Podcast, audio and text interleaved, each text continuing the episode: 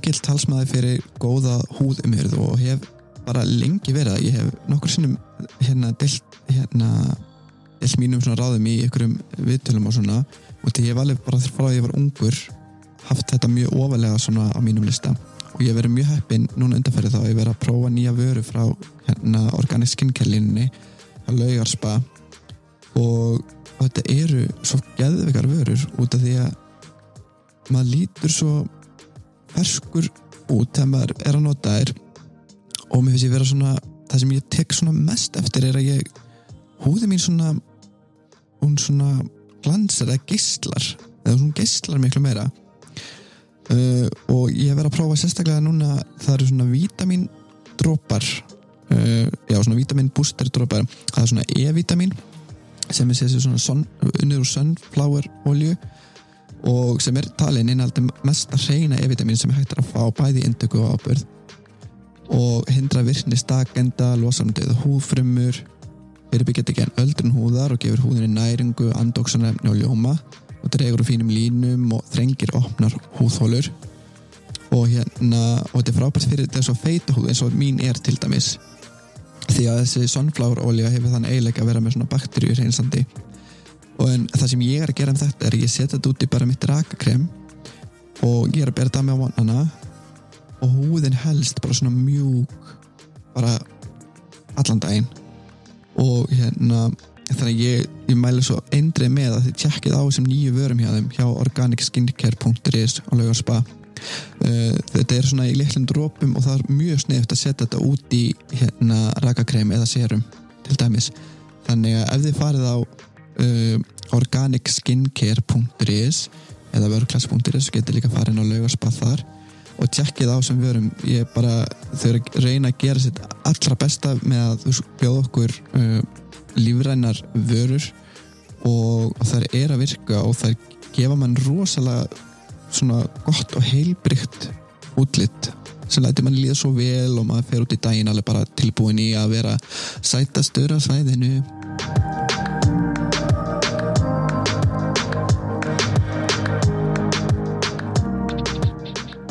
Já, velkomin aftur í þín ein leið, þín ein leið podcastið uh, sem er tekið upp í Nóa Sirius stúdiói podcast stöðvarinnar.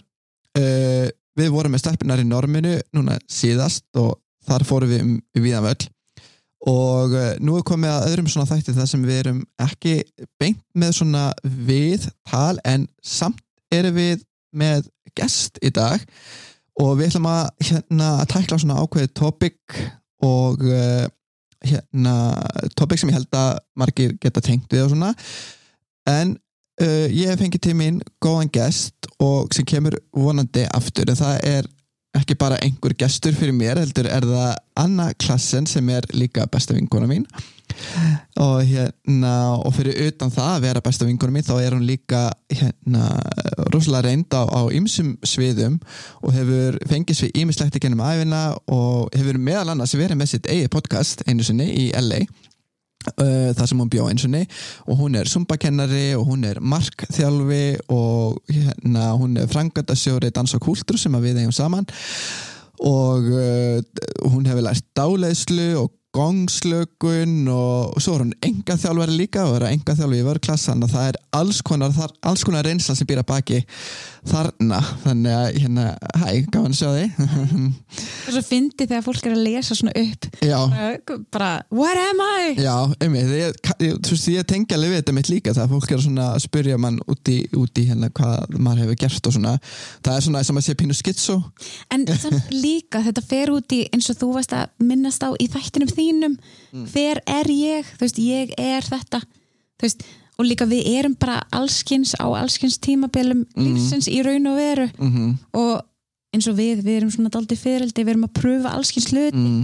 þau sem er bara ótrúlega skemmtilegt en líka bara uh, við eigum, gerum hobbyin okkar rosalega mikið af störfunum okkar. En ég held að það sé alltaf ólíkt öðrum. Og það er einmitt hlutaði sem ég var að tala um í þessum hinum þættinu sem var á undan þessum svona topic þætti einmitt þetta ég er dæmi. Þú veist það er svo mismunandi sumir sko gera hobbyin sín að einhverju sem, er, sem að fæst bókstali við. Mm. en svo er mitt bæði sko tölum við um það í no- normþættinum og hérna Margaret Mock kom líka að sinna þetta það er ekkert allir þannig. Nei, einmitt. Og það eru með þess að margir sem kannski vilja það ekkert. Nei, og vilja bara halda þessu aðskildu. Menn að ég vil langar bara að vinna við þetta. Mm. góðir í þessu eða góð í þessu.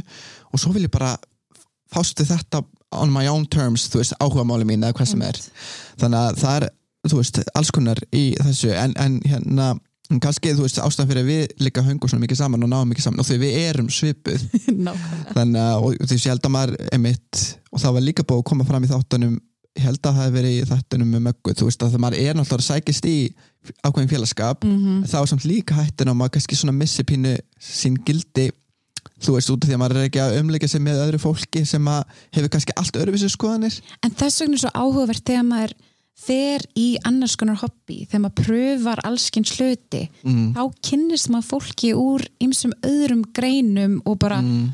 öðru lífi, eins og maður segir og það er svo holdt fyrir mann eins og Margrét var að segja veist, að hanga með öðru fólki og pröfa allskins og að sjá sjá heiminn út frá öðru sjónarhóðni algjörlega og ég veit alltaf að þú veist að mér finnst alltaf ekki tengir rosa vel við að, að byrja upphafsreitt svona að prófa aftur að setja mig í stöð þar sem ég veit ekki neitt. Mm, það er rosa gott, þess að bæði sko skeri mm. en líka, en líka rosa gott. En líka góð áminning fyrir mann þegar maður er kennari. Mm, því að þú veist, þegar maður er búin að kenna þetta aldrei lengi, nú erum við bæði búin að vera að kenna danst aldrei lengi mm, og maður þarf eiginlega að fara reglulega í danstíma eða pröfu eitthvað nýtt þannig að maður muni aftur hvernig það er að vera byrjandi veist, mhm, hvaða er einmitt. mikið skref út fyrir þægindar að mann bara að mæta er huge. Mhm, svo er það bara að klappa baki fyrir bara hvern einasta tíma og mhm, einasta litla skref og því hver bæting bara að klappa sér baki í hvert skipti þannig að maður vilja mæta aftur. Einmitt.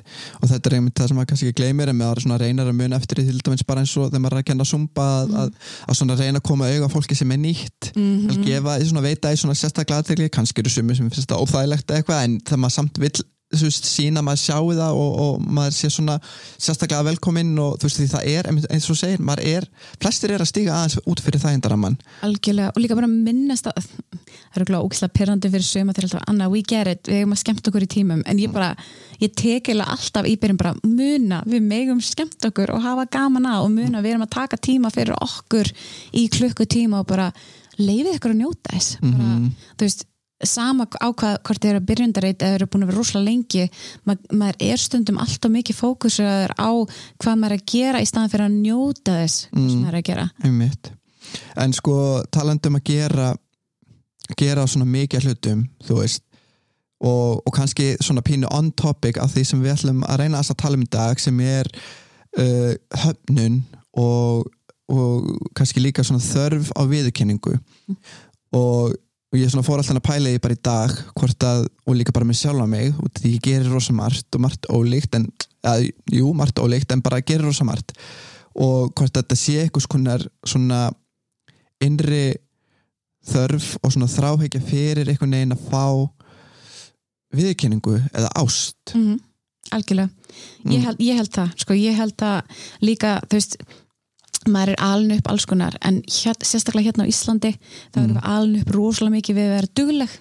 Mm, hversu já, oft heyrir þú orðið dugleg þínu þetta er alveg bara uppáháls orð Íslendinga það er bara insane og það er einhvern veginn eh, maður fær svo mikla kvartningu þegar maður er duglegur. mhm. maður fær svo mikla viðurkenningu og í rauninni fær það aldrei mikla ást á það hversu duglegur þú ert mm, mm, og, og þetta getur eiginlega bara orðið aðleiku við fíkn og þráhyggju bara hjá manni bara ég verð að vera duglegur. Mm. og fólk getur eiginlega alltaf slaka á nú til dags af því að það bara, nei, ég get ekki slaka á. Mm. þú er ég ekki dugleg. Skilur við, veist. og líka af hverju þarf maður að vera svona duglegur og alltaf? Fyrir hvern, fyrir Já. hvern ertu já, virkilega fyrir að hvern ertu duglegur? duglegur. Ertu duglega fyrir þig, ertu duglega fyrir einhvern annan? Hvað ertu að vilja við, eins og þú segir ertu bara að, heyrðu bara mjög vantar ást og þess vegna er ég að vera dugleg eða er ég að vera dugleg til að fá endorfín eða er ég að fá að vera dugleg til að bara gera eitthvað eða veist, mm. er, eða bara eins og þið myndust á þú og svala Mm. kannski er þetta bara til að vera ekki einn skilur, mm, kannski er þetta til að hérna, bara að díla ekki við hugun á sinni eða díla Eh. við vandamáli sín mm, það var það sem að tala um einmitt sko, þetta væri bara flótti í raun og veru. -hmm. svona duglegur þá ertu raun bara að flýja raunveruleikan Einmitt, og líka bara, hverju getur ekki bara verið duglegur fyrir þig, eða bara þú veist af hverju þarf að gera svona mikið fyrir sjálfa þig til þess að finnast þú vera verðug eða verðugur? Og einmitt, á, mér er svo æðislegt e, þegar þú talar alltaf um að vera ein, þú veist, getur ekki astnalegur eða þú ert einlegur frá hjartanu? Mm. og mér er svo fallegt einhvern veginn, ég var að hlusta á eitthvað, einmitt podcast átt þar sem þau var að tala um bara að hann, gerð, hann gerði bara eitthvað því hann langaði að gera það skilur, mm. mér er svo fallið bara svona vá, ég er ekkert alltaf að gera allt fyrir mig. Ég er stundum að gera allt bara því mér langar að tjekka boxi eða mér langar að, að eitthvað dáist að mér eða eins og þú segir, þetta er mm. aldrei mikið þráhyggja að aðrir sjáu þig og aðrir dyrkja og dái og aðrir eitthvað neginn uh, samþykki þína tilveru og það er einmitt, nákvæmlega samþyggi bara maður vill bara fá svona basic stimpil bara I am here og þú veist og ég skipti máli Mhm. eða þú veist og ég vil fá viðkynningu en það er samt svo skrítið með það að þegar sumir, Mhm. náttúrulega er ekki allir þannig en ég veit að við höfum talað um þetta og ég hef skrifað um þetta uh, að, að sko að vilja fá viðkynningu frá bara einhverju fólki sem að þú veist, þú kannski þekkir ekki einu sinni, af hverju skiptir þetta álit svona ópasamili máli. Oh, veistu, ég var svo fegin þegar þú skrifaði þessa grein að því að ég bara oh my god, he's read my diary. Þetta var líka við þannig að því ég bara vá, ég held að ég væri bara svona að því ég, ég fann það svo mikið. Ég var þess að var einhleip mm, og, hérna, og allt í einu fór ég að taka eftir uh, að ég bara setti mitt álit mm, á okkur random gaur út í bæ. Ég var bara, fyrir ekki þú veist, ég var alltaf bara uh, heartbroken og bara hjarta í mólum og bara mm í null, bara frá hundra yfir null og ég var svona bara þetta gaur vill ekki svara mér eða bara gleymir að svara mér eða bara, þú veist, hefur ekki áhuga á mér eða eitthvað, veist, en það skipt það á ekki að koma mér raun við. Það skiptir ekki það miklu, ég er nýbúin að kynast honum.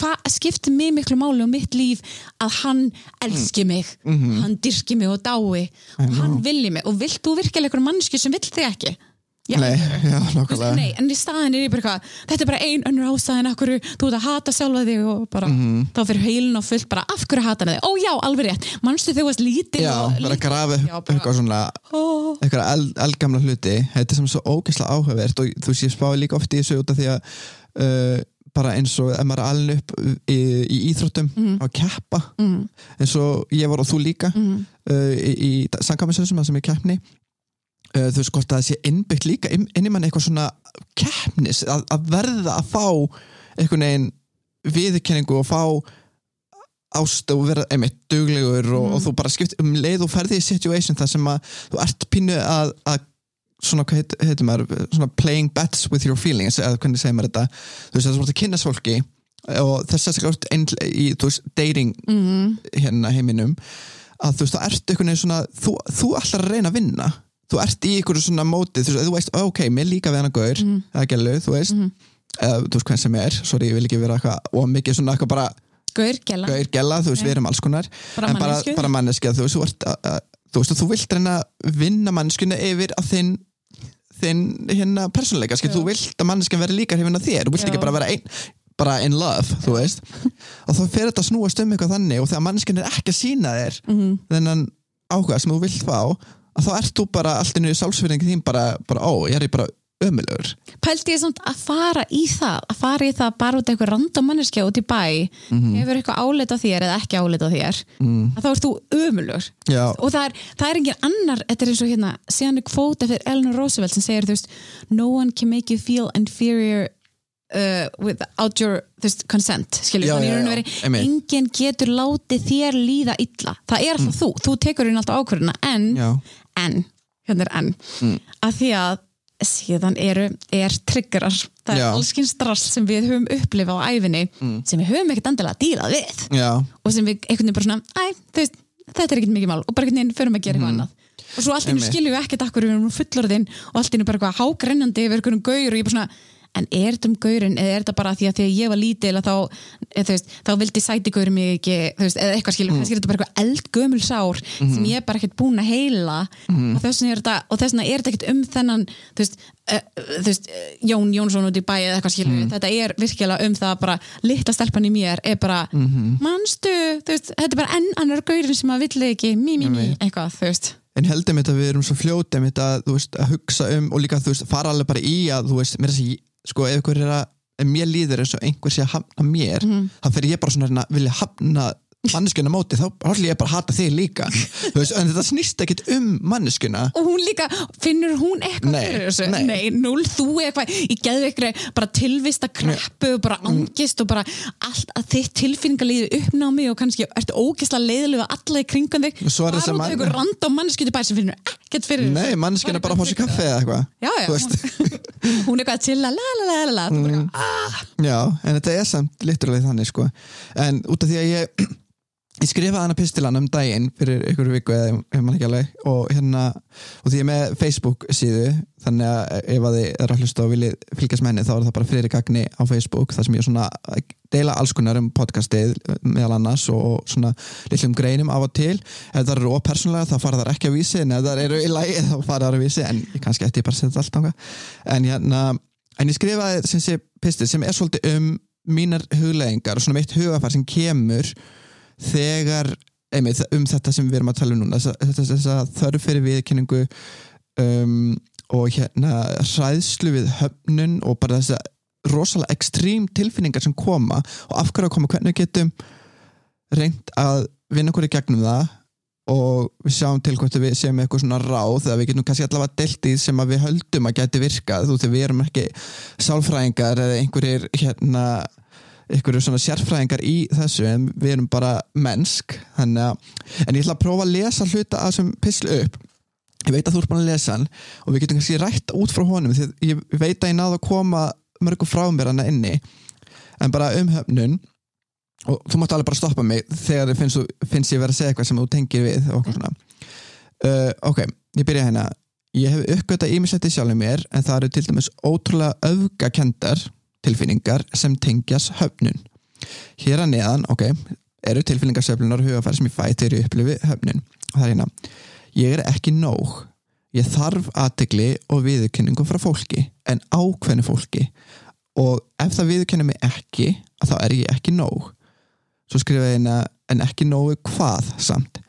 Bara ekki nógu góður ég er ekki nógu sætur, ég er ekki nógu gáfaður. Bara ekki nóg til að vera talin sem hluti af lífinu eða eiga gott skilið. Það er eins og ef ég er ekki bestur í einhverju að þá er ég vestur í því. Og ef ég er ekki sætastur að þá er ég ljótastur. Ef einhver elskar mig ekki að þá hatar hann mig. Og þá fyrir ég að hata hann fyrir að hata mig. Uh, og svo er þetta líka að, fólk þarf ekki endilega að segja við mig að það hati mig heldur ég bara veit það. Þetta er bara svona ég að draga álíktanir mm, þú veist bara, þetta er einhvern svona dæmi um eins og þegar þú veist e- e- ef maður sendir skilabóði eitthvað og einhver sér það sem er hræðilegt. Sín þetta er bara hver fann upp á þessu helvit sín á Facebook og öllum þessum það er hræðilegt. Langar þér að líða illa? Þið á Facebook Messenger og sendi heldur líka skilabóðum allavega, en þú veist, en þetta er svona dæmi um það, en þetta er samt sko þú veist, einhver gera það gagvar mér til dæmis og einhver svona ákveðin manneska sem ég kannski að reyna að impressa á einhvern hátt, skilur, það þarf ekki að vera eitthvað tengt, tengt skiluru að, að deyta eða eitthvað ástasambandi eitthvað þannig, það bara vera svona eitthvað eitthvað í húfi, svona fyrir mig. Mhm. uh, og ef mannskja svara mér ekki, þá er ég strax bara komin í bara mannskjan hatar mig. Þú veist, það er eins og sé engin millivegur hann það er bara svona, já, ok, hún greinlega bara henni finnst ég ógeðsla snarlegur love or hate. Þetta er bara svona, já, eða þá kannski bara mannskjanu upptekin. Það er bara, nei, það er ekki þannig. En hvað, af því að þú sagði sko ákveðnir einstaklingar mm. uh, þú, þú talar samt líka um að það sé ekki endilega í yngamálunum eða starfi. Mhm. hvað uh, hefur eitthvað tekið eftir einhverju ákveðinu pattern yfir hvað þið þurfa að vera þannig að því að líði bara eins og sett núl Veistu hvað ég þú veist, sérðu fyrir þér einhverja mynd af einstaklingi sem að því að myndi bara líða ógst illa yfir. Þú veist, er það kallmaður, er það kona, er það eitt eða er það, þú veist, einhver starfstítil sérstaklega þurfa að vera í ákveðinu stöðu til að hafa þetta valdi við mm. þetta er aðalega bara í, það fer eftir aðstæðum það fer eftir þú veist, hvað er ég að reyna að fá frá sér mannesku en þessi manneski er greinlega eitthvað sem hefur eitthvað vald yfir mínu tilfinningum. Hvað sem að sé bara, bara mjög tilfinningalegt vald eða þá kannski hefur er svona hliðvörður inn í einhverju starfi eða eitthvað svona, einhverju starfsvettvangi sem ég reyna að koma mér inn í. Og þú veist, og hefur einhver ákveðin völd þar og ég er að reyna svona bara já, herrið, mér langar að gera þetta og ég er góður í þessu og þessu og svo er mannskjan bara ákveður að hunsa mig, skilur en það meira eins og þú sett bara í audition in life Já. bara audition í að verða næsti kærasti þessa eða, eða audition í að verða næsti mm. veist, þetta starfstitill skilur Mhm. þannig að þú, þetta er í rauninni, þú þú ert búin að fara út fyrir þinn þægindarhing, þú ert búin að fara above and beyond að reyna að impressa þessa mannskju greinlega mm. og hún þannig hefur völdar, af því að þú ert búin að, að sína þína, Já, þín, ekki veikleika þú ert búin að sína þig bara berskjálta þig hérna fyrir framann eitthvað og þá er það svo rosalega sárt þegar Mhm. þér er hafnað eða þegar þú ert sínaður eða þegar, þú veist, Mhm. þegar þú færð ekki svar strax, Já. hvað er það líka? Hvernig þarf það að vera strax? Hvað gerist á þessum fimm sekundum? Eða þú veist, hversu langan tíma þarf það að vera veist, til að þú verður ekki bara eitthvað múðgar, bara eitthvað, fimm sekundum, nei, hann hatar mig já, en þú veist, þetta er samt alveg bara svona það líður held ég ekki langu tími en það, mér líður samt þess að sé langu tími. Eins og ef maður sendir eitthvað og svo bara, ok ok, hann er búin að sjá þetta, hann lítur að svara mig bara eftir smá stund eða hún eða whatever, Mhm. veist. Djúm. og svo bara eitthvað allt innu svo kíkja á síma minn eftir svona tæm myndir bara, hmm já, ok, einmitt. Líka, líka, líka tvær myndir sorry, mjög svo fyndi, þetta var eins og hérna við höfum verið að gera allskins verkefni saman skilju, og höfum hérna sendt, sendt umsóknir og sendt allskins dótri og við pröfum alltaf, pröfum mjög mikið af því að okkur finnst það svo gaman. Já, en þar líka þurfum við að setja okkur rosalega mikið í þessa stöðu þar sem við erum svona og send. Og síðan bara svona einn dagur, tveir dagar, þrý dagar. Og við bara eitthvað já. Og svo það finna er að stundum koma svör bara svona tveim vikum síðan bara æðislega hugmynd eða ó, frábær póstur eða eitthvað og svona meðan er við bara að vera, we hate ourselves. Já, bara meðan eru tvær vikur búin að vera bara næstu líku við bara maður er búin að taka sér degi líf, skilur við bara, nei þú veist, ég fer alveg í þessar hugsanir, eða ok, kannski ekki alveg það langt lengur, en þú veist, ég var alveg þannig þegar áðurinn ég byrja að vinna svona mikið sjálfum, skilur við En mér fannst það svo flott að því að sko, að það var ein hugmynd sem við vorum með sem við vorum alveg bara ángist yfir einmitt. Og vorum síðan alltaf að tala saman við svona, af hverju gerum við þetta bara ekki sjálf skilur, við erum alltaf, þegar maður er að býða eftir einhverjum öðrum til að samþykja það sem maður er að gera þannig að maður geri það. Það er versta mm. pælt einmitt. hversu margar hugmyndir fólk er með og er ekki uppfyllar að þeir eru að býða eftir einhverjum öðrum að gera það að segja já eða eitthvað. Og á þessum tíma er önnur manneskja og þetta er ástæðan fyrir ég líka elska Margrétu Mokk að því að hún er mitt bara svona, gerir hlutina. Og maður svona, ég mynd, má ég, má ég fá þetta hjá þér? Já, þar sem hún bara svona, æ, ég, þú veist ég er nefnilega ekki að býja eftir eitthvað svörum, ég ætla bara að gera þetta. Og finna bara alla allt til að gera þetta. Já, mér finnst það, einmitt, við erum rosalega aðdánuvert og það var einmitt líka einasta fyrir ég, þú veist, talaði við hana, skilur því að hún hefur verið alveg svona ákveðin svona brautriðandi á mörgum sviðum varandi í þessum bransa sem við erum svolítið í, svona skemmtana, dans og alls konar svona. Uh, en það er samt og svo fannst mér þetta mjög magnað um daginn þá fekk ég svona komment frá þú veist, mannesku skilur það sem að manneskan, manneskinu fannst ég greinlega vera þannig eins og mér finnst, þú veist, Mag- Magga Mokk vera fyrir mér. Emme? og veist, þetta er líka það sem að gleymir stundum þú veist að, að hugsa fallega til sín sjálf og fatta bara, ég, ég er alveg að gera helling. Ég, og ég þarf ekkert að fá samþekki frá þess, þessari mannesku þessum gauðra þessari til þess að bara já, þú veist, ég, þarf rosalótt að minna mig á það en líka bara að þú, þú veist, einmitt að þú sérst að fylg, þú ert að fylgja draumiðinum þú ert að gera það sem þið finnst gaman að mm. þú veist, en samt einhvern veginn hvað þarf til þess að þú virkilega bara, vá þetta er mm. flott þér skilur. Einmitt. þarf hérna fórseti Íslands eða þarf þú veist bandarækja fórseti eða ópröðu eða eitthvað, þú veist, hva- hvern myndi þurfa í raun og verið til að þú bara loksins, oh, I am good já, bara, ég er nóg já, veist, Bara- bara, en hérna, en einmitt, þú ég, ég nota svo sterk þú sterkar lýsingar hana Mhm. í þessum pisli, þú veist, og það er bara svona þegar mér leið þannig á þessum tímpóndi ég skrifa þetta, mér leið ekkert endilega þannig, en ég var bara svona meira að reyna uh, svona að krifja þessar hugsanir Mhm. sem koma þegar þessi, þessar tilfinningar koma og hérna þessi, þegar fólk svarar ekki skilabá með að posti þá er að hafna mér og mínum draumum. Mhm. af hverju gera það það og því ég fer alltaf að spyrja þú veist, af hverju er hann ekki að svara mér? Já. af hverju er hún ekki að svara mér? Af hverju, af hverju? Þú veist, en ég get, ekki, ég get ekki vitað af hverju þessi manneskja hæða sér eins og hún hæða sér. Nei, en þú getur, bara, þú getur bara stjórna þér og þínum hugsunum, ekki stjórna öðrum Einmitt. kalla stjórnsemi, Já, þú veist, ég vil bara vita bara, af hverju, af hverju er þetta Já, þá myndi ég bara vilja vita. Þá myndi bara, það myndi bara vita, Þá myndi ok, ég bara þá svona- bara hálfleiti þá ætlum ég bara að finna einhvern annan. Já, einmitt, þá er ég bara, hálfut, ok, þannig ég ætla ekki að gera þetta með þér, þannig ég ætla að nú spyrja næsta. En þá er ég allavega ekki að býða þú þarft að fá svar Já. frá manneskinni og þetta er einmitt, þú veist, í bransanum sem við erum rosa mikið, í, það er rosa mikið einmitt, það er rosa mikið berskjöldin í gangi. Það er alltaf að opna sig með svona hugmyndir og þú veist, bara í list og menningarlífi og skemmtarnalífi og alls konar svona.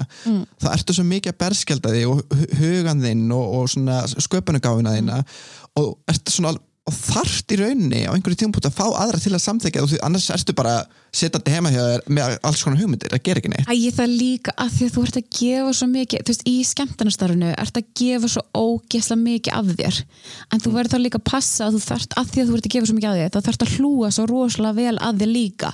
Og þess vegna tekur maður eftir þér líka, þeir sem eru í skemmtarnabransunum eru daldi mikið andlega verir og eru rosalega mikið í allskinn svona að, að, þú veist, að að ég að passa upp á sjálfan sig og ég held líka þess að margir er gælutir að veist, og, og eða maka sem er svona veist, eða fá eitthvað, eða bara mannski bara besta vina eða eitthvað sem er að hlúa þessu bara you're good enough, eða þú veist það þarf í raun klappstýr og það, oft er fólk með bara skot í kringun sig, bara svona félagskap í kringun sig til að hlúa þessa liða því að, að, að þetta krú segir bara, þú ert nógu góður, já þetta var ekki flott hjá þér eins og Margaret Mock sagði hún mm. kemur alltaf með eina mannesku með sér skilur Mhm. það er raun, einmitt félagskapur og bara segja, veist, var þetta flott hjá mér? Veist, mm. tilfinningi mín er eitthvað svona þú veist, Mhm. og þá segir hún, nei, veist, þetta, þetta var ekki að flott. Eða bara, ó, guð, þetta sökkaði og við talum um það í korter eða já, einmitt. En þetta er bara, þú ert að gefa svo að þér og þess vegna er svo mikið vægt aðeins bara, ó, hlúaði líka. Því að, þú veist að, þarna ertu að byggja aðra í raun að hlúa þér af því að þú ert að gefa öðrum eitthvað. Þú ert constantly að gefa þú ert Oh. ætíð að gefa öðrum eitthvað.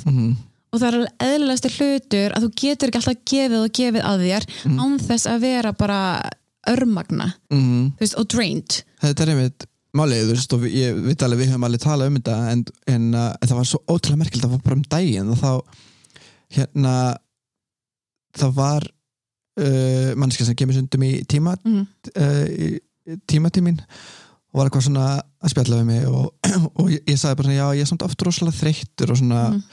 og þá segir hann eitthvað svona já, en er það ekki bara því þú veist að gefa og gefa og gefa Mhm. og gefa og gera og gera og gefa og gefa Mm. og þarftu ekki einhverju tímapunkti að fá á móti Já. og ég bara já, og þetta er svo rosa mikið um akkur þetta sem við erum að tala um veist, að maður er svo mikið að reyna bara má ég fá líka á móti því ég er alltaf stöðut að vinna með veist, minn huga og mínar hugmyndir og mína, þú veist, orku bara frá sálinni og frá hjartinu skilur að kenna og, og líkamlega og allt þetta, þú veist, og ég vil það ég vil, ég vil kenna, ég vil veita fólki innblástur skilur en á sama tíma þá þarf ég náttúrulega líka að passa upp á minn innblástur að ég veri fyrir innblástri og ég fá orku frá öðrum líka stundum. Um, og bara ást og ummyggju og, og bara ást skilur og, bara, það er, og maður finnur það sérstaklega núna á þessum COVID-tímum mm, þar sem að við erum ekki að snartast jafn mikið, við erum ekki að, þú veist, að hittast jafn mikið veist, á allskins uh, þú veist, jú, jú, það er fólk er að hittast en þetta er ekki það er að passa sig svo. Mm, og þá finnur fólk strax fyrir að það er ekki eins mikil nánd og áður. Meina og, og hversu mikil nánd skipti máli, oh my god. Mm, og einmitt þú veist, maður fann það þegar við vorum að kenna yfir COVID-tíman bara á Zoom mm, og síðan að kenna í sal er bara heimin og haf. Já, þú veist, þetta er þessi orka sem er í salnum og bara tenging og eitthvað sem þú getur hann ekki fengið nema að sé manneskja til staðar. Og ég held eitthvað neginn, þú veist þá það er svo mikið fyrir okkur að spyrja okkur hvað er að næra okkur einmitt, veist, og kannski einmitt að, að því vorum að tala um höfnun og hérna og að gefa af sér og svona, þá er svo mikið mikilvægt að passa upp á sjálfan sig. Mm, og allt sem ég var að leita á að því að um leið og ég sá þetta þá fór ég að hugsa um bara ok, herri, ég ætla bara að googla þetta. Því að náttúrulega Google veit alls mm, Nei, mm, nákvæmlega, bara Wikipedia. Google knows Mhm. Nei, hérna, og ég fór reynda að leita eitthvað og ég var ekkert að finna neitt en það sem ég fann var alltaf bara ef þú elskar sjálfa þig nógu mikið þá skiptir annar manna álit þig engum máli, þú veist, eða engum máli litlu máli, skilur mm, þú veist, þú í raun setur maður hefur alltaf valdið sjálf, maður setur sjálfu valdið á einhvern annan. Mm, þú veist, en hérna og þú veist, það eina sem við getum unni með við getum ekki stjórnað öðrum. Mm, við getum bara stjórnað okkur sjálfum. Mm. ég get ekki stjórnað því að einhver hafni mér einmitt. En ég stjórna því að hann hafni mér, skilur, að mér líður eins og ég sé höfnuð út af eitthvað einstakling út í bæ, veistu hvað mér út af því þetta snýst ekki um þú veist, manneskjan er ekkert að hafna þér skilurðu. Nei, hún er bara að hæða sér ákveðin há Nei, en vestir, þú ert að hafna þér. Já. þú ert að hafna þér út af þessi manneskja er að hafna mm, þetta er ekki um hana, þetta er um þig. Mm það, Einmitt. og þessi manneskja þetta, ekki, þetta getur verið hvaða manneskja út í bæ þú setur þetta valda á hana skilur, mm, og líka bara þú veist án valdsins, án þess að þú setur þetta á hana Mhm. þá er hún ekkert, skilur já, já, þú setur tilfinningar á allskynns manneski hefur ekki kannast við það þegar maður veist, sérstaklega þegar maður er búin að í sambandi Mm. veist, maður elskar þessa mannesku svo skilur maður, eða þegar maður ekki lengur í sambandi við hana. Mm og allt í einu bara, ef maður að taka eftir allskynns bara, ég finn bara ekki neitt lengur, eða þú veist, hún Mhm. hefur ekki neitt valdið mig lengur, þetta var saman sem ég var einmitt með svona rosalegt, hérna, rosalega þráhyggju fyrir einum strák, -hmm. Bara rosalega þráhyggju og einmitt, Mm. öruglega bara þráhyggju að því ég var ekki að fá á stöðmyggju neðstan frá, einhvern veginn, ef mér fannst það Mhm. og þá bara setti ég þráhyggju á okkur gauður sem að síndi mér svona einhverja þú veist, á stöðmyggju, eða svona eitthvað Mhm. umhyggju skilur sem ég vantaði og var greinlega hérna, gaf mér greinlega eitthvað sem ég þurfti en Mhm. ekki nógu mikið til að láta mig líða þú veist vel og þá hérna, og þessi þráhyggja svakaleg þráhyggja og, og einmitt þannig bara að ef maður svaraði mikið þá var ég bara ömuleg Mhm. og einmitt bara langaði að deyja því að hann, því að hann bara svaraði mikið ég bara, guð minn góður Mhm. er þetta ekki að grínast, þetta er bara eitthvað random mannskjöld í bæ þú veist, í alvörunni Mhm. en svo um leið og ég einhvern veginn losaði mig úr þessu vonda, vondu samskiptum ég fattaði bara þessi einstaklingur er ekki að hafa góð áhrif á mig og fann ímsa leiði til að komast úr því Mhm. þeim samskiptum þá mista hann vald veistu hvað ég meina? ég get mm. hitt hann ennþá í dag ef ég hitt hann svona randomly og eitthvað og það er bara allt í lagi skilur, mm -hmm. hann tryggar mig smá Mhm. en það er heiminn og haf á milli þess hvernig mér leið áður og núna Mhm. Mhm. sama manneskjan, ég er ennþá sama manneskjan hann er ennþá sama manneskjan en valdið þarna milli, Mm. áhyggjan Mhm. þetta er eitthvað sem hefur breyst skilur, Já, bara því að þú breyst, búin að- því að ég er búin að vinna Í huganum. málunum. já, og ég er búin að finna eitthvað annað til að substitúta þess að þrá ekki, örglega bara breyta því kannski heilbreyðari Heilbrigðari þrá ekki. Já þá þarf til að ég losa mig alveg við hana. Þetta er eins og þegar maður fer á diet og maður byrjar að skipta því út fyrir eitthvað og svo Mhm. svona rólega tekur það út skilur, bara nákvæmlega sama með þetta. Er hún er ekki hafnað þér, þú ert að hafna þér. Mhm. það er svo magna, ég var einmitt að hlusta á hérna, Mátt Hjartans eftir Guðna Gunnars. Mm. og þá var hann að segja sko með fyrirgemninguna af því að þú myndir örgulega að tala um það sérna Já, uh, mikilvægast að fyrirgemningin er að þú fyrirgefi sjálf algjörlega það er ekki, þú, það er ekki aðra, aðra mannskjör sem þú þarf að fyrirgefa, þú þarf mest að fyrirgefa sjálf þér En þetta er einmitt sko uh, eins og þú hefur komið á fyrirlesturinn Mhm. þín eigin leið og það er einn ein hluti sem ég fjalla um, um fyrirgefningu Mhm. og það er mismöndi hvernig fólk tengi við það eins og, eins og þú hefur, hefur séð þú hefur verið hluti af vinnustofun líka Mhm. og sumir er bara en af hverju þarf ég að fyrirgefa þess ykkur mannsku bara svona já, en þú veist mm, já, en þú veist, þú veist allavega fyrirgefa sjálfu þér já, því að, því að atbyrð, hvaða atbyrð sem er það, það er allir sem hugsa til einhvers atbyrðs í því, skilur og þetta tengist líka höfnun og allskynnstóttir í þú veist, maður getur ekki breytt því sem er búið, það er Mhm. búið. Mm þú getur fyrirgefið það, skilur og stundum virka það heldur ekki, þú veist, fyrirgefið eitthvað mannsku eða whatever, Mhm. þú veist uh, en hvernig ætlar að move on forward, skilur -hmm. Hvað getur þú gert til að move on forward og geta átt í heilbriðum samskiptum eftir og geta átt í heilbriðu lífverðni eða whatever, veist, Mm. þannig að framtíðin sé betri, Mm skilur og þú getur, þú veist þú getur ekki breytt vartíðinu, þú getur breytt framtíðinu með að fyrirgefa sjálfum þér Mm. og heila sjálfan þig og láta þér líða vel Mm. þannig að þú getur uh, átt betra líf Já. Já, nei, og með höfnun er það sama þetta er bara veist að fyrirgefa uh, já, höfnun höfnun er bara líta á þessu höfnun, hvað er þessu höfnun að kenna mér? Já, einmitt. Þið, þið myndist á þetta líka með hérna uh, eða hvort ég var að lesa eitthvað þar hérna, með höfnun líka bara ef ykkur er að hafna þér eða því sem þú ert að gera það er alveg gott stundum aðeins að skoða það í alveg Já, það er alveg gott fyrir mann stundum að kíkja á bara kannski er þetta ekki það spes sem það er að gera, já, já. Kannski veist, en það er alveg gott að þú veist ekkert allt sem maður gerir er fullkomið mikið og maður var þegar maður var krakki og teikna einhverju umölna mynd og mammpapir og aaa, hvað þetta ég er? Uh, þegar maður gerir En stundum er maður bara ennþá fullar og vill ennþá bara fá bara Vá, hvað þetta er flott hjá þér. Og svo er maður bara, þú veist, bara sökkar í þessu skilur en, en það er betra en þú veist, í lengri, til lengri maður litið þá er betra ef einhver segir bara sannleikan, skilur og því þú vilt vita, þú ert að gera vel og þú vilt vita þegar þú getur bætt þig. Já, og þú veist og einmitt sem fullarinn einstaklingur stundum ert að gera eitthvað hluti sem eru kannski, þú veist sem eru mís velhafnaðir kannski, mm. viltu vita, viltu að eitthvað klappið er að viltu að eitthvað segja þið sannleikan Já, þetta er einmitt máli En þá tekur þið kannski sem höfnun fyrst sem er alltaf mm. að þannig er litla bandir mm. þannig er litla bandir sem er bara að fá höfnun frá okkur, þannig og sérstaklega ef þetta er eitthvað nánir, þá er þetta bara eins og mamma og pappi bara að líka mm. myndin og segja bara oi, umli mynd, og þú bara hjartaður í brotna og því bara, wow, ég var að teikna veist, ég teikna, ég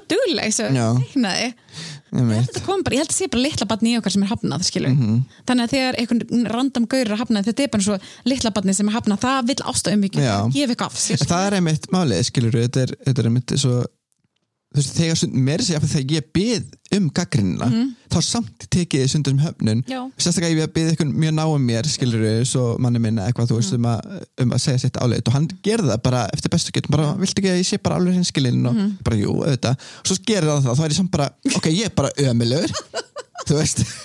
En veistu af hverju, þú veist, það er eðlilegt að maður finni fyrir hafnun en hvað þú gerir við þessa höfnun mm. up to you Já, þannig að þú veist þegar þú fær höfnun frá manninum mm. og ég vel fengi líka svona höfnun nefnitt frá fjölskyldi eða frá mm. vinum og bara mér er svo frá, frá þér þar sem þú ert bara brutally honest um mig skilju mm. og ég brotna niður og það er umulegt en síðan eftir á síðan alltaf þú veist jafna maður sig og maður svona mm. he kind of had a point þú veist, veistu hvað ég meira -hmm. hann var alveg að segja sannleika og líka mm. því þú veist að það er allt í lagi þegar þetta kemur frá fólki sem það elskar og dyrkar og dáir sem að þú veist að það myndi ekki vilja uh, gera það neitt. Nei, þú, þú, veist, þú veist að maðurinn þinn elskaði meira mm. lífið mm. og þú veist að hann myndi ekki segja neitt nema veist, hann virkilega vill þig vel mm, eins reyður og getur verið eins, veist, eins mikið fyrir, og þetta kemur frá höfnuna því að þú elskar hann. Mm -hmm. veist, höfnun er því þið ekki vant, orðið vendum hannskina og þannig er þetta höfnun mm -hmm annars var þetta alveg sama.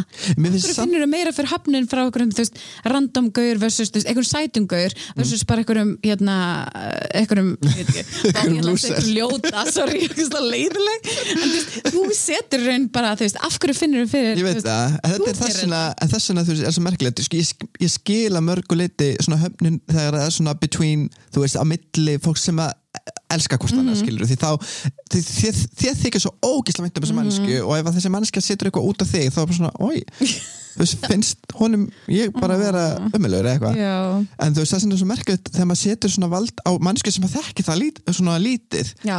en hérna skoðaði bara, skoða hvað er það við það sem það er og hvaða triggerar er þetta ég held að þetta sé eitthvað fortíðar, ég ég veit það og það er einmitt það sem ég vildi fari næst út því að tala um skilur þetta sé litla bann í okkur, mm. það er einhvað í fortíðinni mm. þú veist og það er mitt því að endaði svona pistilin einhvern veginn á að fara í alls konar en sko og líka bara að tala um hérna þú veist ég var hérna eitthvað þú veist þegar fólk svara mér ekki og allt mm. þetta skilur uh, af hverju get ég ekki láta þessa mannsku svara mér -hmm. af hverju get ég ekki láta þessa mannsku elska mig -hmm. af hverju þarf hún að elska mig skilur við, af hverju ætti ykkur ákveðin mannski eða mannskjur að fá þetta ákveðinvald yfir mínum eigin verleika sem mm. mannveru mm -hmm. það er bara svo ógeðslega og svo skrifa ég mér þess að þetta er bara óskiljanlegt fyrir mér yeah. út af þessar tilfinningar eru svo rosalega ekstrím að maður mhm. svona, og einmitt þetta er svona maður bakka svona, maður fattar tilfinningarnar mm. og hugsanar, maður svona, wow, betur hvað kom mhm. þetta -hmm. bara af hverju langar mér bara að sökka hann í hóli bara þess þessi manneska svara mér ekki yeah. og hérna, en svona getur þetta að fara með mann uh, en þetta þarf að vera, þú varst að spyrja þann þú veist, hvers konar fólk er þetta mm -hmm. þetta er svona, þetta er eitthvað sem er að sanna mér fyrir, einhver, eða þú sanna mig fyrir á einhvern mm -hmm. hátt, sem elski sem aðtánumæður, sem mhm. listamæður sem starfsmæður, mm -hmm. en þetta er allt eitthvað svona, þú veist, sem hefur það valdið að veita mér eitthvað sem ég þarf að halda eða vil sem þú heldur já, heldur ég þurfa að halda þetta er meitt líka það sama og sæðir af hverju þarf ég að býja eftir þessi manneska mhm. samþykja af hverju ger ég þetta ekki bara Nákvæmlega Þegar við rættum mjög mikið um það þegar við vorum í verkefninu okkar í sömar mm, mm. þá vorum við bara, við hefðum kannski bara átt að gera þetta verkefni sjálf Já, en það er náttúrulega, þú veist, það kemur náttúrulega auka vinna og, og þú veist og það er alltaf spurning og svo kemur svona bara praxis hlutir, svona praktík þú veist, fjármagn og alls konar svona sem að skemma fyrir. Og þess vegna er maður ofta að setja sig í þess stöð og þegar maður þarf að reyna að, að virkja sem sé samstarf með fólki til þess að geta en svo vill maður alltaf gefa af sér og þegar maður vill að allir hagnist að þetta sé vinn-vinn dæmi. Mhm. þú veist, ef við förum að tala um svona vinnu hliðina á þessu. En út af höfnun líka hérna ó, vá, ég datt út eitthvað menn það er hérna ah, með, með vinnu með persónalífið mm. oh, menn, ég er svo dóri í þetta sem mót það mun koma til mín, það kemur og kemur. En hérna þú veist, já, veitum mér ekki þessa aðtekli sem ég óska eftir. Þú veist, já, kannski er það að leiða þig á aðra vegu líka, ég algjörlega því að stundum er höfninin áttin í rauninni að einhverju sem þú áttir alltaf að fara á. Jep, en þú fattar það ekki á þeim tímpúndi Nei. og er bara að missa þig í vannliðan mm og líða ógeðslega ömulega og ert ekki einu svona að sjá Leiðina út, bæði sko tækifærin vinnulega séð og líka persónulega séð. Kannski átti bara þessi mannskja að hafna þér þannig að þú myndir finna bara þín sjálfsást eða kannski átti hann að hafna þér því að kannski var ön- önnur betri mannskja Mm. að koma, skilur þú veist, maður veit ekkert, skilur Mhm. og þú veist, auðvitað verður maður fyrir vanlíðan og auðvitað verður maður fyrir höfnun og maður má alveg finna fyrir, þú veist, við erum tilfinningaverur Mhm. og megum alveg finna fyrir vanlíðan, það er allt í lagi. Það er ekki búaður, Nei, munurinn. Og þá á maður bara að leita sér hjálpar og eins og með höfnun þegar maður finnir fyrir svona svaka höfnun eins og við erum að finna, veist, Mm. það er ástæða fyrir maður að við erum að krifja þetta, mér finnst ógeðslega flott hjá þér að skrifa um þetta.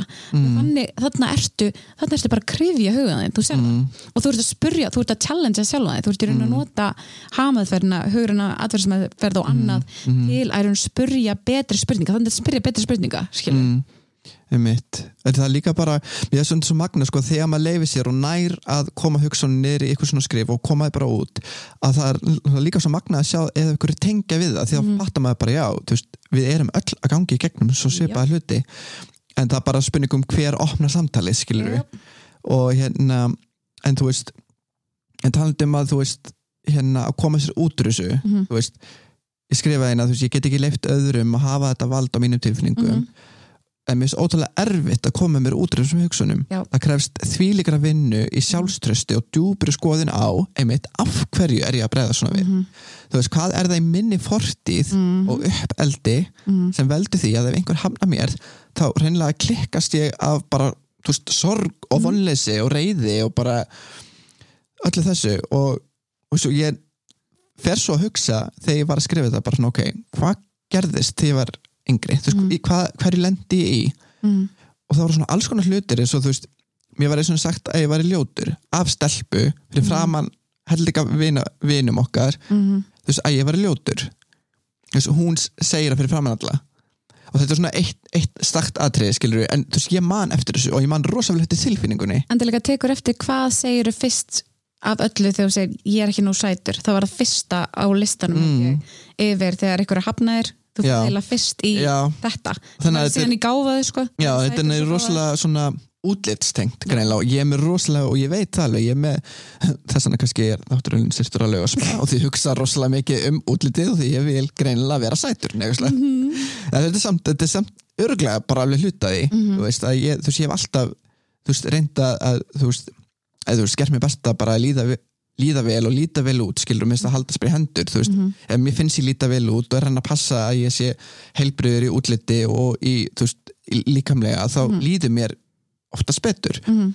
en þú veist, sem Eh, ég þetta er eitt komment á einu tímubili Þú veist, ég var þínu 10 lífi, ára eða eitthvað. þú varst tíu ára. Ertu orðin önnu mannski heldur en þegar þú varst tíu ára? Já, Lítur ekki öðru svo út heldur en þú varst þegar þú varst tíu ára? Jú, Getur verið að þessi manneskja mér meira það, ef þessi manneskja sagði því í dag mm, að hún myndi bara vera bara vá hvað hann er fallegur Veistu hvað ég meina? Mm. Er sjans? alveg örglega eða þú veist Ok, ég verð samt að segja þér að því við erum að ræða um þetta mm, Það er hérna ég fekk reyndlega rúslega þessa tilfinningu því ég var yngri. Ég, Mm. þú veist, ég og besta vinkunum mín vorum alltaf hrifnir af sama stráknum hún Mm. var alltaf sætistelpan, ég var ljótastelpan og allir strákandi voru hrifnir henni. Eitthvað allir, nei þú veist það Mm. Já. getur verið bara einhver einn eða tveir sko, en, en fyrir fyrir mér þér? er það bara allir. Allir elska Allir hana og hata hana og hata mig og ég er bara ljóti andarungin en mér leið þannig sko. Svo hérna, svo kemur að því setna í tíð skilju, síðan hitt ég þennan strák sem ég var sér að trefin og og mér fannst hann verið hrifin henni. Anyway, hitt hann eitthvað mörgum mörgum ára segja og þá svona tjekkar hann að mér, svona lítum upp og niður og svona flörti mm. og ég sverða Mm. litla Anna var svo fucking glöð Mm. Finnst þér samt ekki astnalegt Þetta, en samt, gleðin var Mm. Pjúr, þú veist, þú veit að tala með þessar intense tilfinningar sem koma, ég Mm. held að þetta sé bara litla barni í okkar að ærast, sko, annað ærast eða gleðjast, já, og því að þarna var bara, þú veist, þarna var, var ég loksins að fá aðteglina sem við vantaði sem krakka, skilju, Mhm. frá þessum gaur. Bara, sætu gaur tók eftir mér og það bara mm. himnar ekki líka út af því að þú veist þegar við erum lítil að þá eru tilfinningarna svo rosalega upp og niður eða þú veist það eru eiginlega bara svona svart og hvitt en Mhm. það því við erum ekki búin að skinja kannski jafnvægan á milli. Við erum ekki ennþá búin að gera það Nei, veist, það er með, þetta er einmitt, þetta er svona primitive tilfinningar, Mhm. þetta er svona rosalega svona basic instinct tilfinningar þessi, þessi höfnuna tilfinning og bara svona og þetta er svolítið, þetta er náttúrulega mjög barnalegt í rauninni, sko. Þú veist, já, eða, jú, þetta er, er það, sko. Kannski dettu við bara í batni þetta er bara batni í okkur sem er bara eitthvað í rugglunu en þetta sama eins og með sko ég fann líka fyrir hérna, ég var í Vestló Mm. og mér fannst ég heldur ekkert passa inn þar. Mhm. ég var bara veginn og ég les dagbökunum mínu í dag og þá var bara veginn að því ég var ekki ljósar og grönn og þá bara þess vegna fekk ég ekki hluti ég bara svona, ok, róleg, þá ég held að sé aðeins fleiri hlutir en ok, mm, keep telling yourself that. Hérna uh, svo ég, og ég komst ekki í leikritinn og það var almálin akkur með langaði veslu og eitthvað. En hérna, og þannig ég fann fyrir rúslega höfnun. Þú veist, ég, mér fannst ég ekki fett inn mér fann fyrir höfnun að ég komst ekki inn í leikritinn og þá fannst mér ekki nógu góð skilur, og en síðan svo fyndi hvernig, að því að þú veit alltaf að pæli hvernig maður getur síðan snúið þessu við. Mhm, ok, síðan er sömagliði hjá World Class. Og World Class, þú veist, ég held að margir finnist tilfingu, það er aldrei svipað hérna útlit á stelpunum. Og öruglega einhverjar stelpunum sem er í Vestló, við sko minna mm. ljósaðar, skvísur, þú veist, grannar flottar, þú veist, og ég fann alveg ákveðna svona Vestló tilfingu þar. En það er alltaf gott fyrir maður að vinna þar því að þannig er ég að vinna með því raun og veru, veist, að vinna úr mhm, ég fer í sömagleðina og ég, hérna, ég syng með Ingo Veguð mhm, og hérna, ég kann alveg að syngja ágætlega vel og allir bara, wow, slá flott, ég höfðu ekki hugmynd um ég geti sungið. Mhm litla Anna var svo glöð því að þarna var henni verið, þú veist, Vestló Anna skilur, sem fekk samþykki frá, þú veist, skvísunum. Mhm. Finnst það ekki fyndið? Þetta er samt svo en mér leið svo vel, ég sverða þetta og ég var bara svona, þetta er ekki Anna núna að fá, þú veist, samþykki frá bara, hérna, Nei, samstagsfélaginu þetta er Vestló Anna að fá, þú veist, þar sem henni fannst hún ekki passa inn í og, það, og fekk ekki viðkynningu sem hún þurfti. Og þarna er hún að fá frá eitthvað sem að hún lít, finnst vera svona skvísu og nú er hún eina skvísunum og fær að, fær að vera, vá hvað hún er nógu góð og nógu sæt og nógu flott til að vera í. Pælt í þessu. En heldur þess samt líka að það komi bara með að núna ertu á þessum aldrei mm. og búin að þroskast það mikið að þú kunnir að taka við samþykinu, kannski var eitthvað að samþykja þig í Veslu og þú bara tókst ekki eftir. Vá, já líka bara það er búið að vera ógeðslega reynsla að bara taka þegar fólk hrósa manni mm að taka því, ef þú tekur eftir því þá er ég oftast að tekja um hjartað að mér að því ég er að reyna að koma því inn. Mhm. og þá er er hérna, hann var að fýblast í mér hérna, ég er með þerapista sem ég fætt til og hann var með til fýblast sem, Anna mín, rólega þú þarf ekki að gera hjartanóð, sko, ég var bara eitthvað, I'm taking it in. Já. ég var ekki með hjartanóð hérna rólega, sko. Bara, þú veist, maður gerir þetta samt. Þegar einhver segir eitthvað fallegt við þig, mm. segir þú á móti?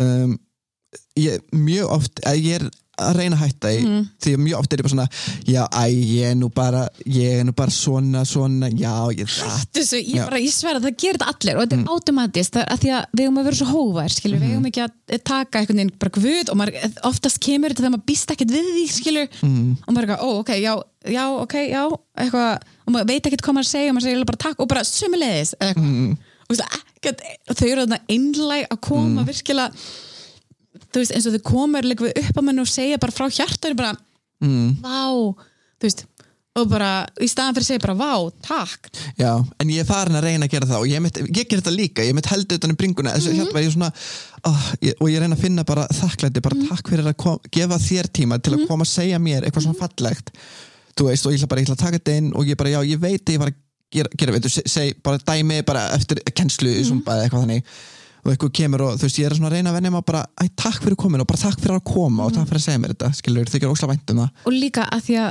það er ekki sjálfsagt að maður sé góður í ykkur það er ekki sjálfsagt að fólk nýtur það sem maður er að gera skilur þannig að þegar fólk fer út fyrir þægindarhingir sinn og virkilega tekur skrefið að lappa upp að einhverjum ókunnir mannesku og segja hvað hann er flott. Mm, veistu hvað ég meina, þetta er ógslag stór skref fyrir þau og ógslag fallegt í raun og veru út af fyrir sig að þau takið sér tíma og gera þetta. Mm, en pældi hvað þetta gefur mikið þú veist, mm, ógslag fallegt að þetta leggja þú veist, hendur á hjartastöðin í raun og veru og tengja þig skilur mm, og bara, emitt, og bara virkilega taka því og við megum alveg öll gera það meira. Við megum alveg öll hrósa meira og við megum alveg öll taka hrósum taka innilegum hrósum. Já, ég held nefnilega að þetta sé svolítið svona Ísland, eða kannski ekki bara Íslands en þetta er samt, þú veist, ég hugsa þú veist, við erum kannski aðeins meira núna, kannski byrja að þóra einmitt að bara svona berskjald okkur Mhm. og þegar við berskjaldum okkur að þá erum við náttúrulega svolítið svona við erum að gefa meira færi á okkur Já. einhvern veginn og, og svona ég held bara svona almennt í svona Evrópu, Norður-Evrópu, það er ekkert mikið verið að svona veist, að segja einlæg hrós eða ég fæla að opna sig bara einlægt sjálfur. Frekar að vera svona bara hóvær og halda því inn í svona ákveðinu ramma ekki að vera eitthvað svona tjá ómikla tilfinningar bara svona við bandaríkjamenn líka við. Já, en þú veist, en, hérna, en ég held að við séum kannski aðeins að breytast núna. Það er kannski líka bara með tilkomi alls konar svona sjálfsjálpar svona málefna sem er að koma upp auðborði líka bara eins og með alls konar podcastum og, og, og, og bókum bækum og alls konar svona. Mm. En hérna en þú veist varandi það að sko taka hrósi og taka eftir samþykki og hrósi og taka það inn versus sko að einblýna á höfnina. Ég veit það, en finnst þér ekki fyndið? Þú manst meir eftir hafnuninni mm, heldur en þúsund hrósum mm Mhm. mm, He, manstu eftir öllum hrósum sem þú fengið? Nei. Manstu eftir öllum höfnunum sem þú fengið? Já, alveg på að eða þú veist miklu meira já, skilur, skilur þetta? Mm, finnst þér ekki magnað en það er líka að því að ef við brössum svona ef, ef við bara tökum ekki trósum ef við svo þarna ert að leggja að taka inn trósin mm. Svo þetta- þú munir eftir því. Já og líka þannig að þú munir eftir því þannig að, að því að þú ert að tala um þarna eins og hann benti þér á eftir Zumba að þú, þú ert að gefa svo mikið að þér. Mm, þegar þú ert að taka fyrir rósum þá ert að taka við ástu ummyggju, veistu hvað ég meina? Mm, og það er svo ótrúlega mikilvægt að gera það sérstaklega þegar maður er að gefa svona mikið af sér. Mm, að taka bara og líka við sko hafa sér kassa eða eitthvað utanum bara hrós og þú veist, ef maður færi eitthvað hrós á þú hvort þessi vídeo eða eitthvað dóttir líka við bara svona screenshotað og hafa það á símanum og hafa bara sér hérna, sér dót þar. Ég var bara farin að hafa eitt skjál sem var bara með hrósum því að þegar ég dett niður skilur dett niður í þunglindi eða bara vanlíðan eða eitthvað. Mm, þá þarf ég að fara þetta sko. Þá þarf ég að muna af hverju bara hvað er fallið mig eða hvað fólk djáðu við mig því ég bara ég er ekki þar, þú veist, ég næ ekki þá að sjá það fallega, sko. mm, þannig að þá þarf ég áminningu á af, af hverju, þú veist. Mm, ég vil ekki hafna, þú veist, þá er ég að hafna sjálfum mér þannig að þá þarf ég að sjá, þú veist, peppið og dótið frá öðrum. Og þetta er mitt mál með höfnuna, Já. Þú veist, að hafna sjálfu þannig þannig, í vanlíðan að hafna sjálfu sér mm, einmitt. þarf maður svo rosalega einhvern veginn að ásta um ekki annar að halda, sem er svo leiðilegt ó, að þurfa að halda. En þess vegna er þetta alltaf þú veist, þetta er svo mikið undir okkur komið sem er ókslega sem er svo erfitt að sætt þú veist, sem að þarf að átta sig á því bara, þetta er undir mér komið. Og það snýr svo rosalega mikið um bara sjálfsást, sjálfströst sjálfsvirðingu og allt þetta. Það er einu ekkert eitthvað svona eitt ráð gegn höfnun, Nei. skilur það er ekki eitthvað svona, já, þegar þú verður fyrir höfnin þá skalt þú borða mjólk. Nei, borða mjólk, ok, jú, borða mjólk það er mjög sniðut taktu hníf og gaffal og skerðana niður. Nei, eitthvað. Nei, en þú veist, það er ekki eitthvað svona ráð, eitthvað svona, já, hugsaði þessa hugsun, þá bara finnur ekki lengur fyrir höfnin. Þetta er bara stöðu vinna og ég mitt, þú veist, þannig klárast þessi pistill líka. Það var, ég fer hann upp alls konar hluti sem ég var fyrir í æsku, bara til þess að reyna að krifja af hverju er ég svona. Mhm. Þú veist, og það er líka bara þetta einelti sem, þú veist, ég bæði, þú veist, ég var þóttu svona frekar kvenlegur eða svona oft og ég var eini dansarinn alltaf út um allt. Mhm. þú veist, það var bara fótballtastrákur út um allt. Og, og ég náttúrulega er dökkur á, á hörund, þannig að það var líka.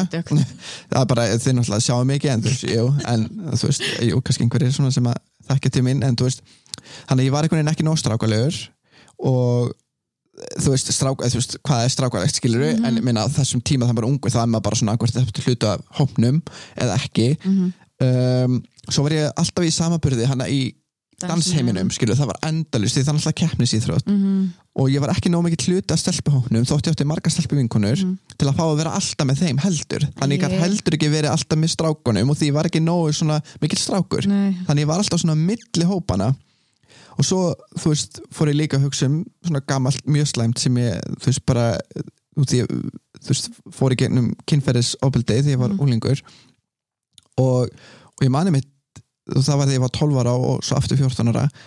Og mér fannst það meika svo mikinn sens í mörg ár á þess að segja neinu frá því, mér fannst bara, já auðvitað gerist þetta fyrir mig, skilur bara ég er svona og bara já þannig að hlýtur að vera bara eitthvað að mér.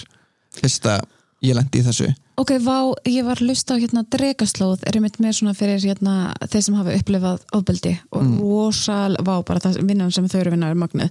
Og það var einmitt Telma þar að tala um og hún, hérna og uh, þau var að tala um sko og það eru ógislega margir, ég tengdi við þetta sko að, að maður ætti eitthvað skilið af því að að, maður, að eitthvað gerast í fortíðinni, við sko með mm af hverju áttu eitthvað vond skilið? Mm. bara úr hverju kemur þetta? Þú er, þú veist, á maður skilið þennan vonda atbyrð að því að hvað, þú veist, hvar, hvert fór hugsunin þannig, þú veist, hvernig Ég áttu nefnilega- þetta skilið? Og hvernig var þetta bara allt í lægi að þú bara ættir að verða fyrir þessu? Ég veit, það ekki, skilur ég bara man eftir þessu, ég saði einhverjum frá þessu þú veist, það leiði alveg, þú veist, þrjú ára eitthvað þangar til ég pröfa, þú veist,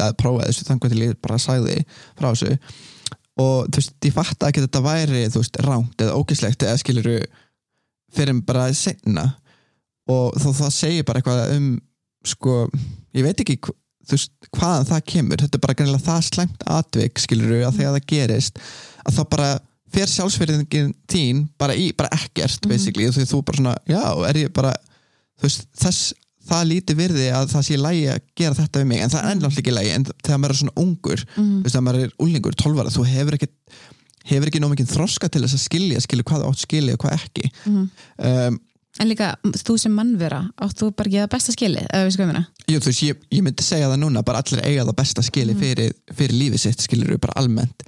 Sama, sama hver þú ert eða hvaðan þú kemur og bara allt þetta. Uh, og, og þú veist og þó ég telji mig, hérna þú veist, þó ég telji mig hafa unnið mig í gegnum áföll fortíðarinnar, að þá eru greinilega þú veist, leifara áföllinu sem dvelja bara sem tilfinningarnar inn í egóinu mínu, þú veist, þannig að þannig að þú veist, ég fyrir þótt að ég hafi séðan farið í, í alls konar meðferð eftir þessi áföll þú veist og unnum í gegnum það var miklu sterkari í dag mm. að þá er samt að þegar koma upp ákveðni triggerar að þá blossar þetta upp já, aftur sko og þá er mitt kemur þetta, þessi litla barnið skilur við, Mm. út af því að ég meina ég var í rauninu bara barn þegar þetta gerðist Mhm. að hérna þú veist, sem bara sem blossar upp, en þú veist þess vegna er svo mikilvægt að þetta sé bara að þessi sjálfsvinna eigi sér stað bara á hverjum einasta degi pæltu sem tíði, þetta er sama þegar, hérna, þegar svo leið skerðist fyrir mig mm. það sem ég hugsa allan tíma er bara, vá, hversu vond ætla ég að vera sjálfa mig Mm þegar mér finnst að verst að hérna, í mínu tilöki var það þannig einhvern veginn að ég var svo reyð út í sjálfa mig að hafa ekki stoppað, ég veit að tengja ekki að margi við þetta, en bara þú veist ég var bara svona, hversu lengi ætla ég að refsa mig fyrir eitthvað sem að, ég veit ekki eins og hvað er bara hversu vond er ég að hafa átt einmitt þetta skilið, ég fór alveg þangað líka sko, Mm. og bara hversu lengi ætla ég að vera í vanlíðan Mhm. sko ég meina, og þarna einmitt, þú veist þarna finnst mér ég ekki hafa staðið með mér sama í hvað atvikið það er skilur, Mm. og badnið, in, þú veist badn, uh, innra badnið, Mm. Það verður reyðast þegar Mhm. þetta kemur, þegar kemur þú veist, tryggarnir mínir eru oftast finnst mér bara e, eða þú veist, innra badnið mér bara öskra sko Mm. og bara, þú veist, og þarna er mitt, þú veist, þegar það kemur fyrir ofbeldis atbygg og ég, þú veist, og ég næ ekki að stoppa það og þú veist, það kemur hérna kökkur í hálsin, þú veist, og einhvern veginn, eh, það er eins og maður hafi ekki rödd Mm. mér leiði svona svo Úrsula hafi tekið, þú veist, í litla hammiðinni það er bara svona tekið röddina mína Mm. og ég væri bara svona, og ég væri bara frosin og versta er að hérna people pleaserinn í mér var bara, æ, hann klárar þetta bara af Mm. og ég nenni ekki að skapa vesen Ó, pældi því pældi því, nei þú veist, pældi í þessu er ekki, Mm. veist, er ekki læg, en þannig fór þú veist, það var hversu mikið þóknari ég Mm. er, skilu og þar var þóknust öðru fólki og vill ekki höfnun Einmitt. og vill ekki, skilu, ég vill ekki höfnun og ég vill ekki conf confrontation, þú veist, vill ekki bara, æ, hvað heitir þetta svona mót, eða hérna ágreining. Já, að þurfa að díla við ágrinning að þurfa að díla við höfnun, að þurfa að díla við eitthvað svona vesen. Freka bara hversu mikla vanlíðan þarf ég að þóla Mhm. bara hversu mikla aðstæður veist, hvaða fleira aðstæður ætla ég að setja mig upp í þar sem mm. ég er bara líður illa. Mm, þetta, þetta er alltaf á kostna míns. Mm. þetta er ekkert um hinn aðilan. Ég er alveg saman hann, skilur en ég er ofta að setja mig í ymsar aðstæður þar sem ég er að líða svo illa. Og einmitt, sem skemmtikraftur ertu náttúrulega alltaf að setja í ykkur aðstæður þar sem þú ert að verða fyrir höfnun mm. þannig að er þetta, þú veist, þú veist jú, jú, það er óslega gaman að skemmtikraftur og skemmta öðrum þegar það er Mm. gaman, en stundum hugsa maður svona er þetta bara svona sjálfspynting Já. að setja sig fyrir fram annað til að bara vera hafnaður og bara hvernig, já, sjáðu til þess er að geta að haldið áfram í vanlíðan. Þetta er ástæðan fyrir að þú sökkar. Mm.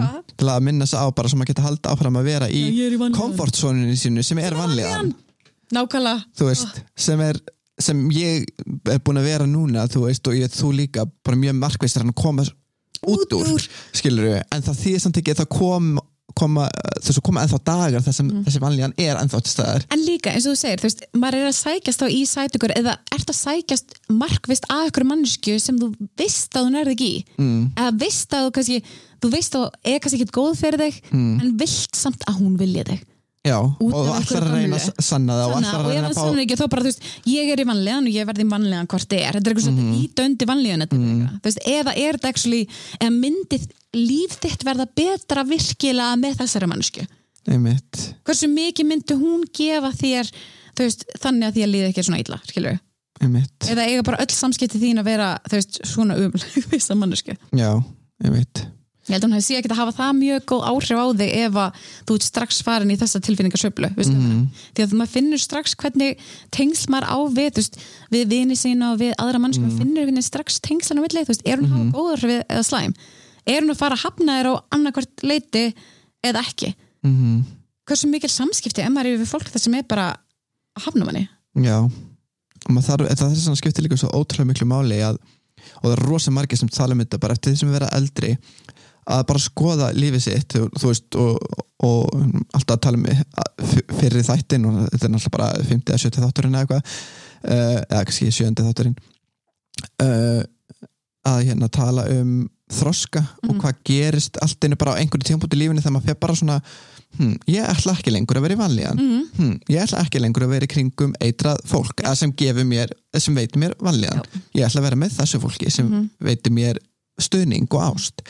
Þú veist, að, að svona meðvita bara fatta, bara, já, joke þetta er ég, ég á þetta líf og ég hef val til þess að, að, að hafa þetta fólk í lífinu og hafa þessa orku í lífinu og fara þessa leið í lífinu uh, og þetta er í rauninni sko, veist, og ég hugsa þú veist uh, eins og ég enda á að tala um hérna, þú veist, hérna, ég er sterkar en ég var en, en á hverjum degi þarf ég að gera mig besta til að sinna sjálfu mér svo það sé minni líkur á að ég bregði svona illa við höfnun skilur því að ef, því sterkar sem ég verð Já. því minni líkur er að þessi triggerar hafi svona mikil áhrif á mig Já.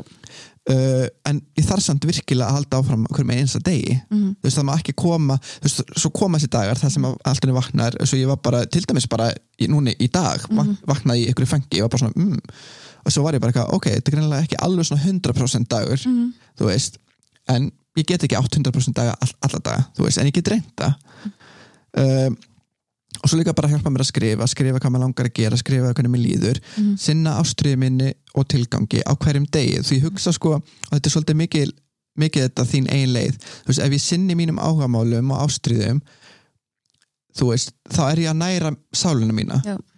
og ég er oftar í velíðan þú veist, því oftar sem ég er í velíðan því, og því meira sem ég dvel þar Mhm. að þá er meiri líkur að ég verði sterkari einstaklingur. Já. Þú veist, og því hef meiri, hef meiri hamingju, Mhm. þú veist, það veitir mér hamingju að, að sinn, þú veist, ef ég elska að, að dansa, ef ég dansa hverjum degi þá eru miklu meiri líkur ég minnum á bara, ó, ég elska þetta og, ég, Mhm. ég, og mér líður vel núna og ef mér líður vel, að þá þú veist, er minni líkur á að mér líður illa Mm. uh, þú veist, og þetta er í rauninni ástæðan fyrir þessu verkefni, þú veist, þín eigin leið að þú veist, ég vil ég vil ekki festast í klóm annar og leifa þeim að móta mína einn sjálfsfyrðingu Yay! En að þetta er, þú veist það er eiginlega svolítið þetta þannig að núna erum við búin að krifja bara, bara tilgang lífsins Nei. tilgang allavega þessara, þessara hérna, þátta eða þannig sko og, og hérna en bara aðal pælingin er í rauninni og þið kannski geti hugsað ef þið voru að hlusta við erum búin að fara og krefja þetta topic rosa mikið núna höfnun og, og þessa viðkenningu og sjálfströst og, og, og hvað það er í okkar kannski uppeldi og æsku og okkar fortíð sem að grefur upp einhver svona gamla tilfinningar sem kannski bara tengjast lilla barnun í okkur sem er ennþá á lífi einhverstaðar hann enni mm. um, af hverju erum við að gefa einhverjum öðrum svona mikið valdi við tilfinningunum okkar og hvernig getur við sjálf eignast og bori meiri ábyrð á einn tilfinningum? Og ég held að það sé eitthvað sem við, þú veist, ættum að vera pæli og það er vinnan, skilur, það er kannski eina ráðið sem að ég veit allavega ég get svona lagt fram í þessu út af því, svo ég segi, ég held að sé ekkert þú veist, eitthvað eitt ráð sem bara er. Nei, en, uh, en það er samt hérna, ég elska og þú þín bók líka mm. lífisregluna fjórar mm. nummið tvö Já. ekki taka neinu persónulega mm. því að það sem aðri gera kemur þér ekki við -hmm. og þetta er ekki um aðra höfnun er í raun ekkert um aðra það er um þig mm -hmm. um leiðum að fatta þetta og fattar valdið sem maður hefur mm. þá, fattar, þá getur maður grafið miklu dýbra og heila miklu dýbra mm. og orðið svo miklu betri í þessu, veist hvað mér -hmm. og það er frábært að leita sér hjálpar við þessa vinnu, skilur -hmm. en þetta er ekki einu svona sjálfsfinna er eitthvað fallegast sem ég veit um, þú veist, að vinna ég tengist um vinnu við svona oh, vinna, en Mm. sjálfsvinna er eitthvað bara wow, maður er að fara að uppgöta sjálf Já. sig, þetta er eins og svona ferðalag. Þetta er eins og, þú veist, eins og Paulo Coelho bara Mm. ferðalag eða eitthvað. Þú veist, þú ert bara að uppgöta gimsteina og bara Þú ert að bæði að krifja sko, þú ert að sjá eitthvað, eitthvað sorg jafnvel, þú ert Mm. bæði sko að krifja það góða og slæma, þú veist. En þú getur það sem svo mikið fallegt annað sem gerist við það að opna gömul sár mm, og að krifja þau og vinna sig í gegnum þau. Mm, og því þá allt henni sér því þess að gemsteina og líka pældu í því hérna, og sama hvað ok, getur vel verið að aðri hafniðir mm. það er þeirra mál. Mm -hmm. ekki hafna þér. Mm? -hmm. sama hversu margir aðrir hafna þér mm. ekki þú hafna þér. -hmm. það er sásökin Mm. hann liggur hjá þér. Einmitt.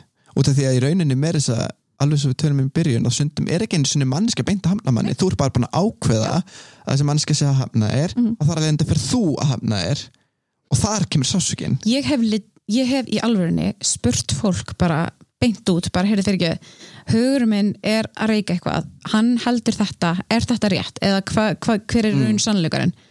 Það er mjög bara- gott ráð Já, því að, veist, því að stundum ef maður svo hrættur eitthvað við sannleikan veistu, ég vil frekar eins og þú Mm. ég er eins og þú, ég vil frekar bara heyra nei eða ég vil bara heyra frekar raunri þú sökkar eða þú veist, ég heyrði eitt af besta sem ég heyrði mitt í, veist, í samskiptum við, þú veist dating, þú veist, að hérna, deyta og, og sams, í sambandi og svona mm.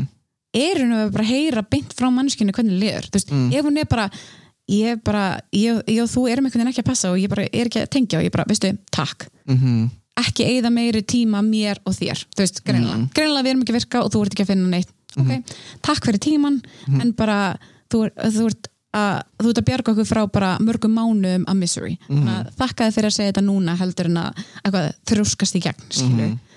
einmitt að þetta er einmitt að, þetta myndum á, ég var að horfa á sexinu sitt um daginn.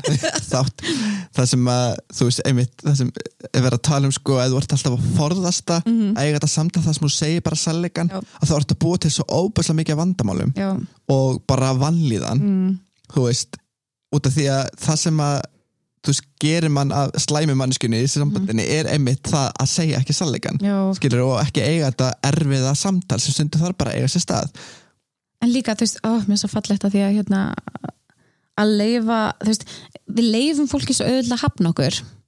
Getum við líka leift því að elska okkur? Mm, getum við líka leift því að verða okkur? Mm, og tekið það inn, skilju að því að maður, maður gleym því sem að því að við erum að tala um höfnunum við erum rosalega auðvitað með að taka höfnunum. Og alveg bara detta á allan tilfengarskalan um, erum við jafn dugli að taka því inn að leifa fólki að elska okkur. Og eins og þú segir, að, að taka hrósi og virkilega bara taka inn og bara mm, vá, og veistu, og bara líka við ringi vinn bara, vá, veistu hvað þessi var að segja um tíma minn? Og bara, mm, ó, það gefur mér svo mikla venlíðan og bara dvelja í þeirri ven, veljan, bara Mm. alveg eins og við myndum gera við, ef ykkur hafnaði okkur við, við myndum bara búa í vanlíðan. Já og bara vera þar í þú veist, ykkur margar- svara, svarar ekki Facebook skilabóðum þá bara ertu í vanlega bara í heila viku. Já, og getur ímyndar ef við myndum gera það sama með veljan Við ætlum að eða jafn miklum tíma í veljan eins og við gerum í vanlíðan. Mm. þannig ef, veist, ef hann hafnar okkur og við erum í viku í vanlíðan þá ætlum við að eða nákvæmlega jafn miklum tíma í veljan já. bara, næsta hrós sem við fáum þá bara, mm, ég ætla bara að í sér hrós í viku. Og hverjum deginasta degi bara, oh, vakna morgun bara, oh, manstu þegar hann sagði þetta fallega? Mm, mm bara þú veist, það er bara ákveðin hérna áskorun fyrir eitthvað sem er að hlusta bara eða er að hlusta núna, bara þegar þið fáið næsta hrós, takið það inn virkilega og prófið í alvörunni að halda bara, þú veist, taka þér virkilega inn og færið hendunar að hjartastað og bara finnið bara, þetta er gott, þetta er einlægt hrós og þú átt að skilið og, og þú ert að standa þig vel -hmm. og þú ert elskaður og elskuð.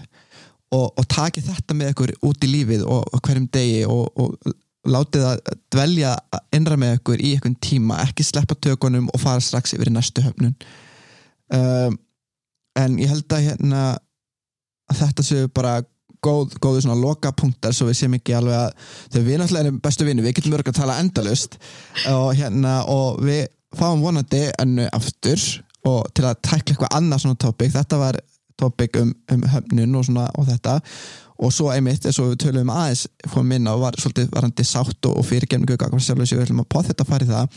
Út af því að þetta er allt svona málefni sem ég held að tengist, uh, tengist rosalega mikið inn á uh, þín eigileið uh, á þann hátt að, að þegar við erum að fylgja okkar eigin leið í lífinu þá er það líka það eru líka áskorunni sem félast í því að það er svo margt.